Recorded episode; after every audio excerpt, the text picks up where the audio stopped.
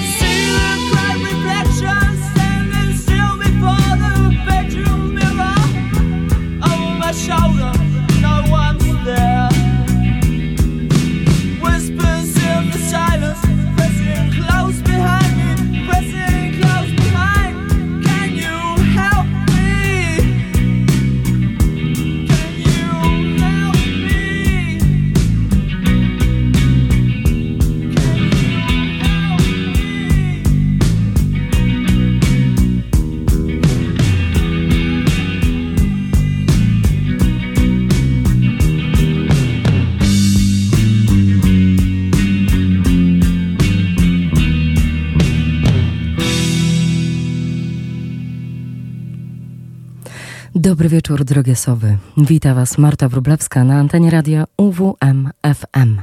Słuchacie Sowy przed północą, a dzisiaj jest pierwszy dzień nowego 2024 roku. I co prawda, y, trzecie urodziny Sowy będziemy obchodzić dopiero w marcu, ale to 140 audycja. Bardzo miło znowu zaczynać z Państwem rok. Dziękuję, że jesteście ze mną i jestem zaszczycona. Jak minęła Wam ostatnia noc? Mam nadzieję, że absolutnie szampańsko i że jesteście gotowi i naładowani energetycznie na kolejne wyzwania, które przed nami. Dzisiaj oczywiście to, co Państwo usłyszeli przed chwilą, to The Cure, a utwór to Three Imaginary Boys.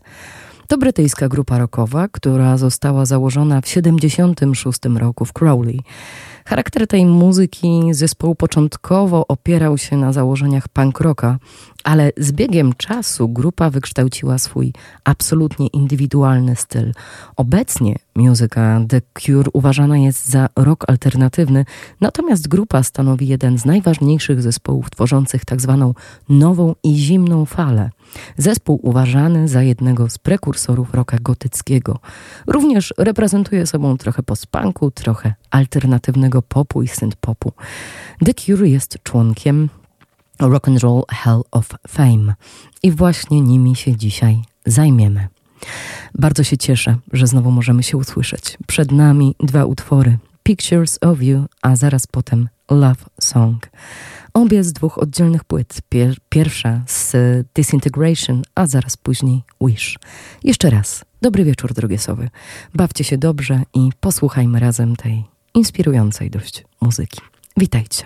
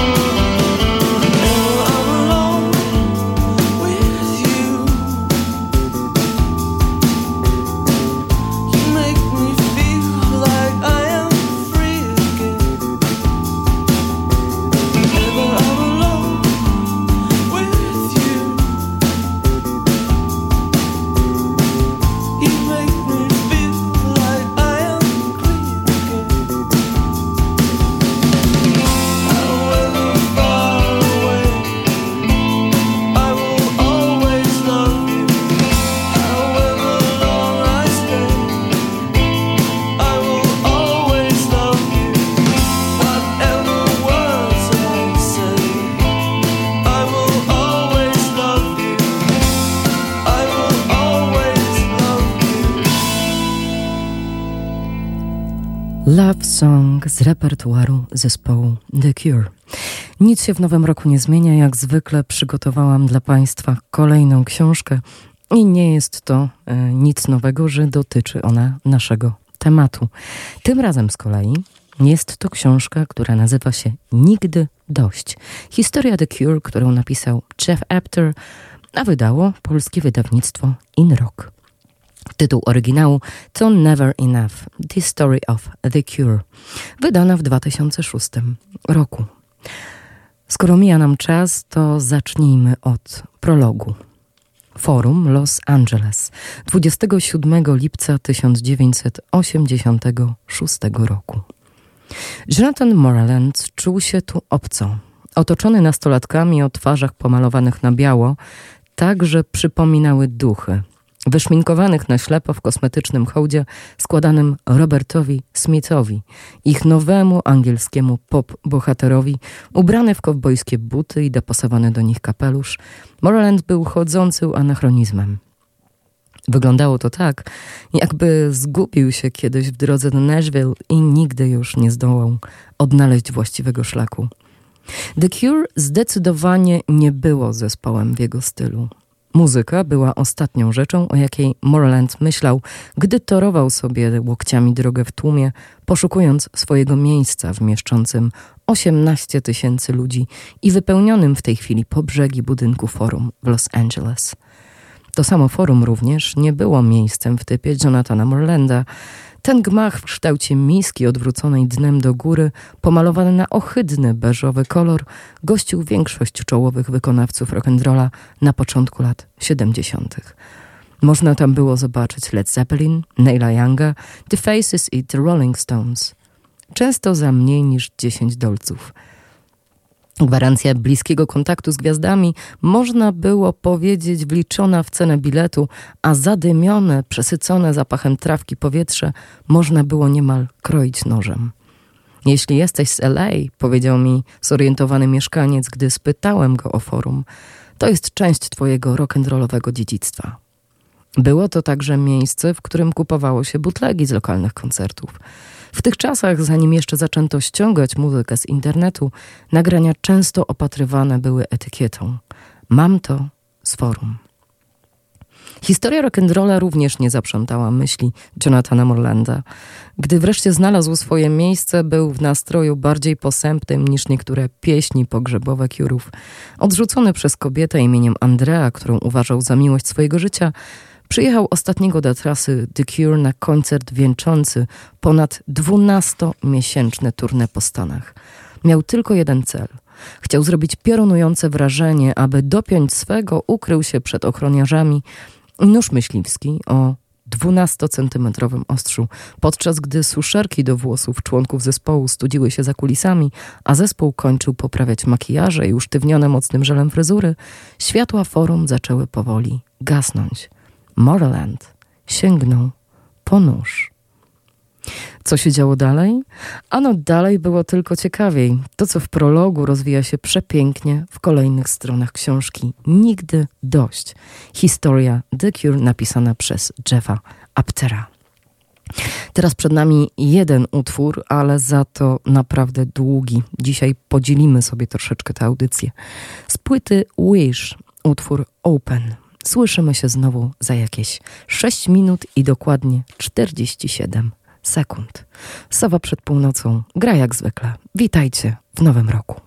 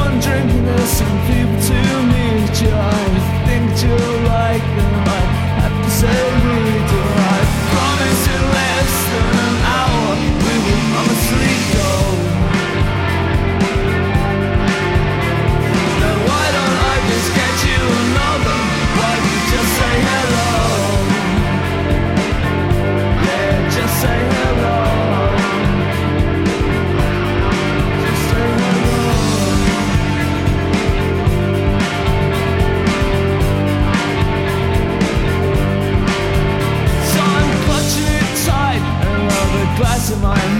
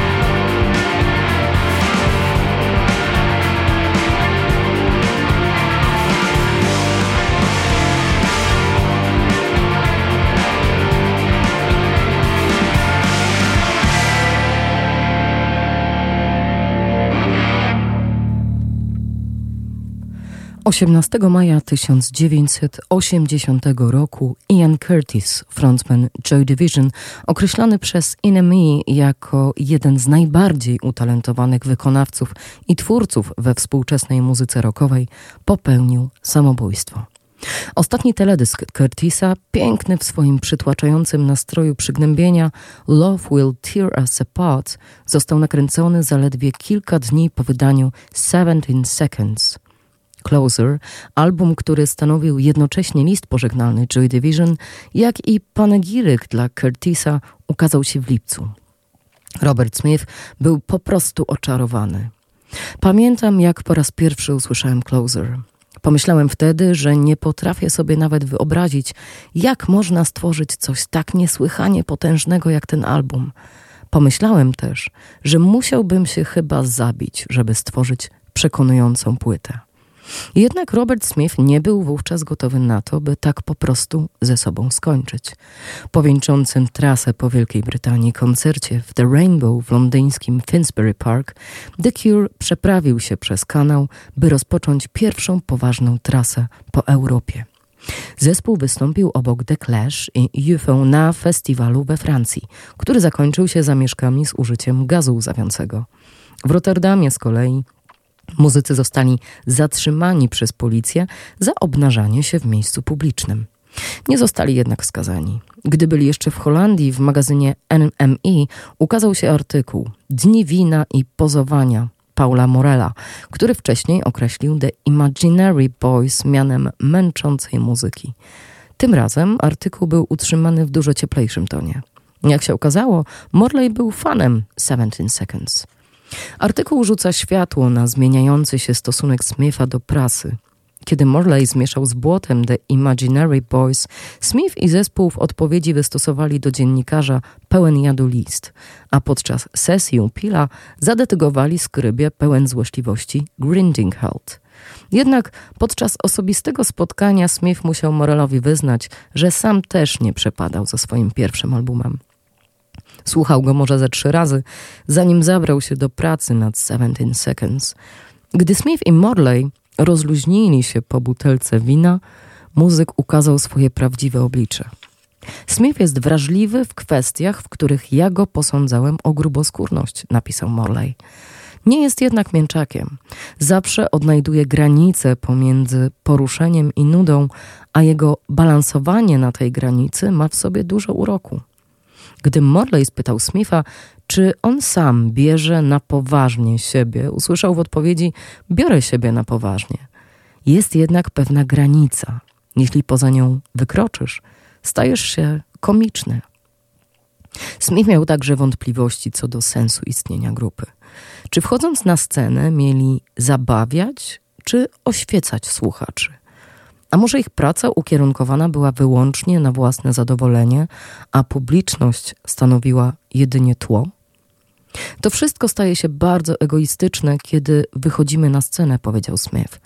Interesuje mnie to, co myśli publiczność, ale piosenki piszę dla siebie, choć oczywiście wolałbym, byśmy wywierali na ludziach silne, długotrwałe wrażenie, niż bawili ich przez jedną noc, żeby tydzień później nie wiedzieli już, kim jesteśmy.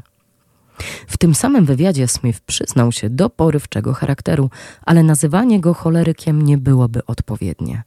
Jak wspominał wcześniej, Tolhurst we współpracy zespołowej wyraźnie dostrzegało się podejście charakterystyczne dla Anglików, czyli raczej introwertyczne. Nie miewam ataków furii, ani niczego takiego powiedział.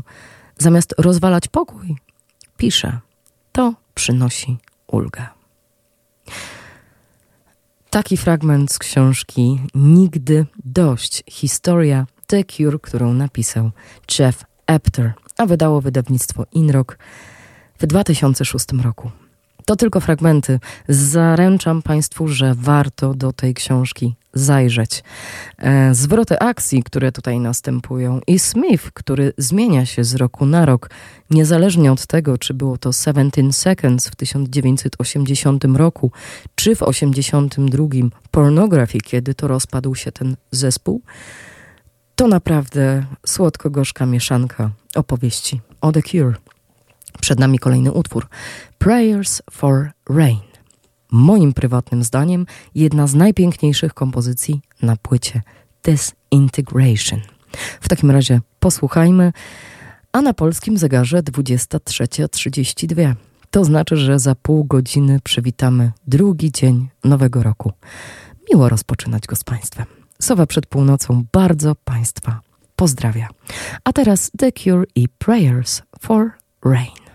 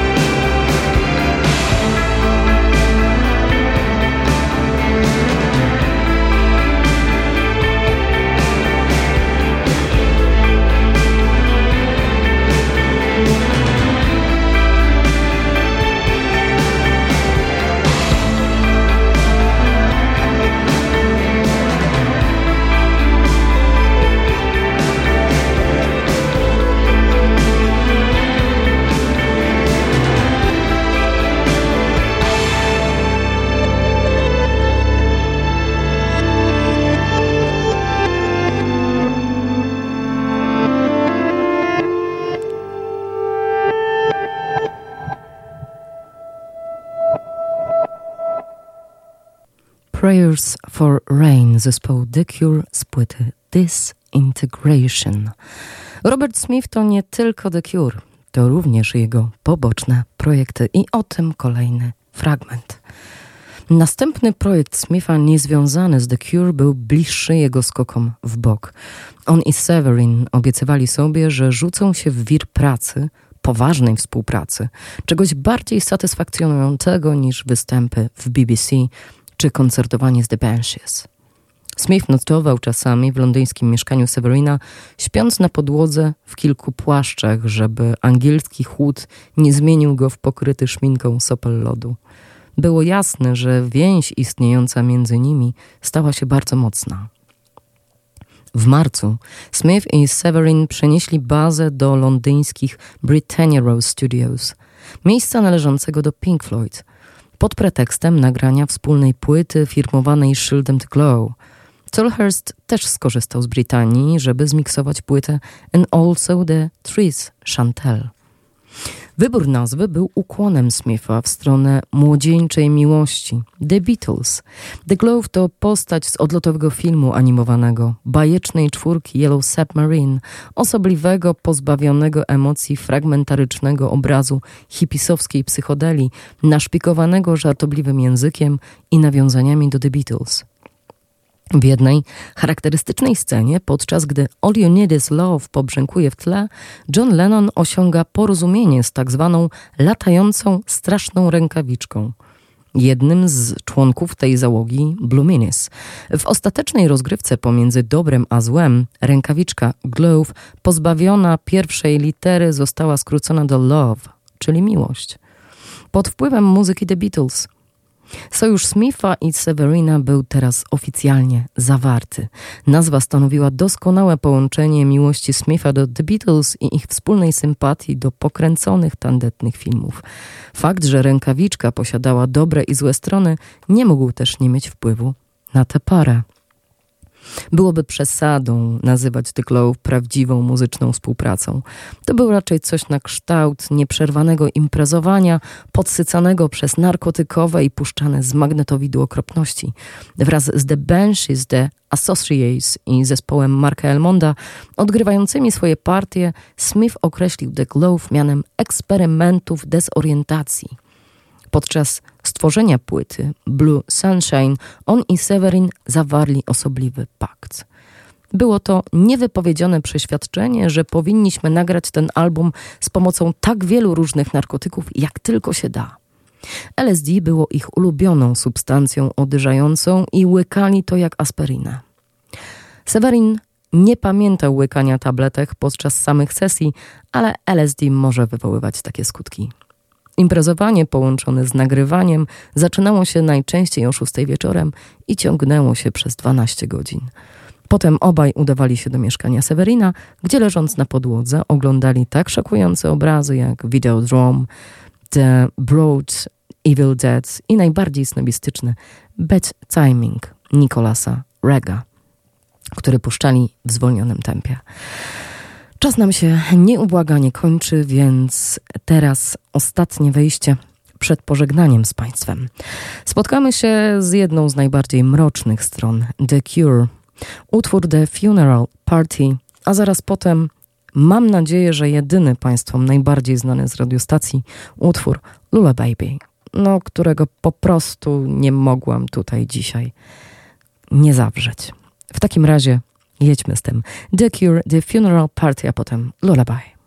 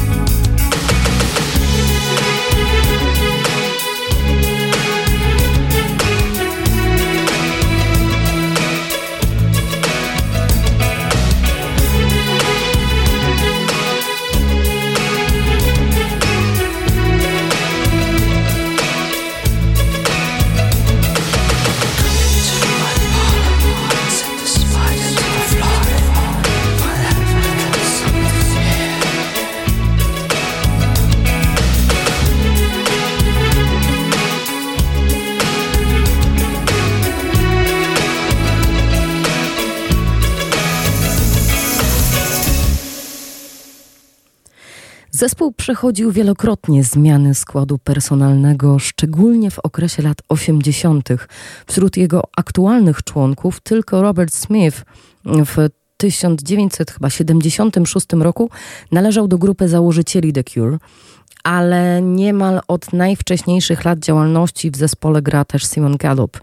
Przez wielu krytyków uważany za jednego z najlepszych gitarzystów basowych świata i moim zdaniem rzeczywiście jest to jeden z największych atutów The Cure, jeżeli chodzi o samą sferę instrumentalno-muzyczną.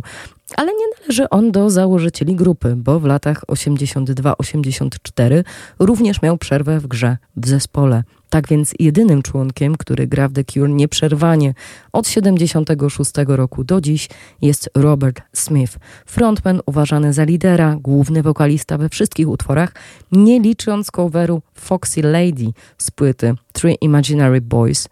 Gitarzysta i autor niemal wszystkich tekstów. Charakterystyczny makijaż, ułożone w charakterystyczny, bezładny sposób natapirowane czarne włosy Smitha to jeden z najbardziej rozpoznawalnych elementów wizerunku zespołu.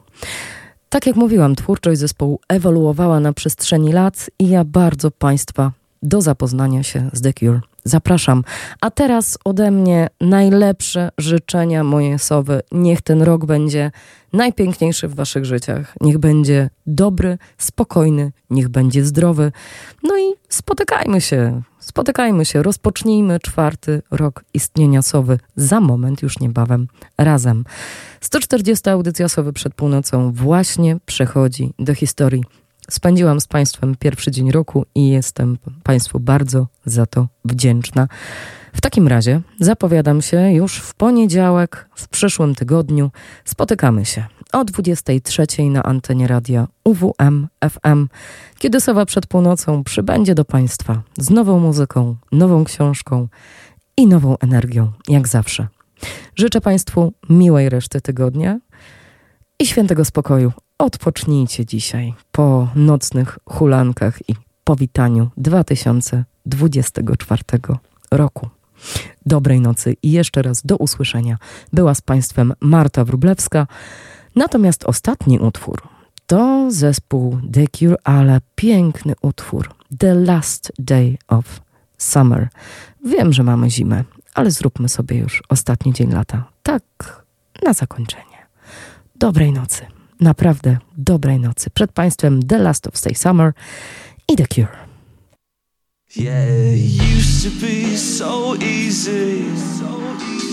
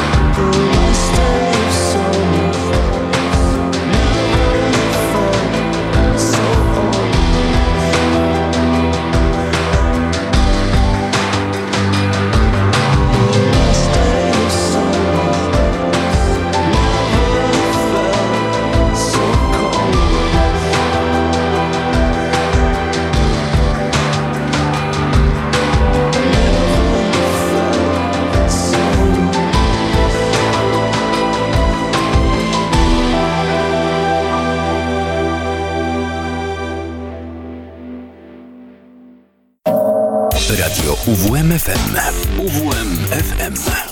Uwierz w muzykę. 95 i 9. UWMFM.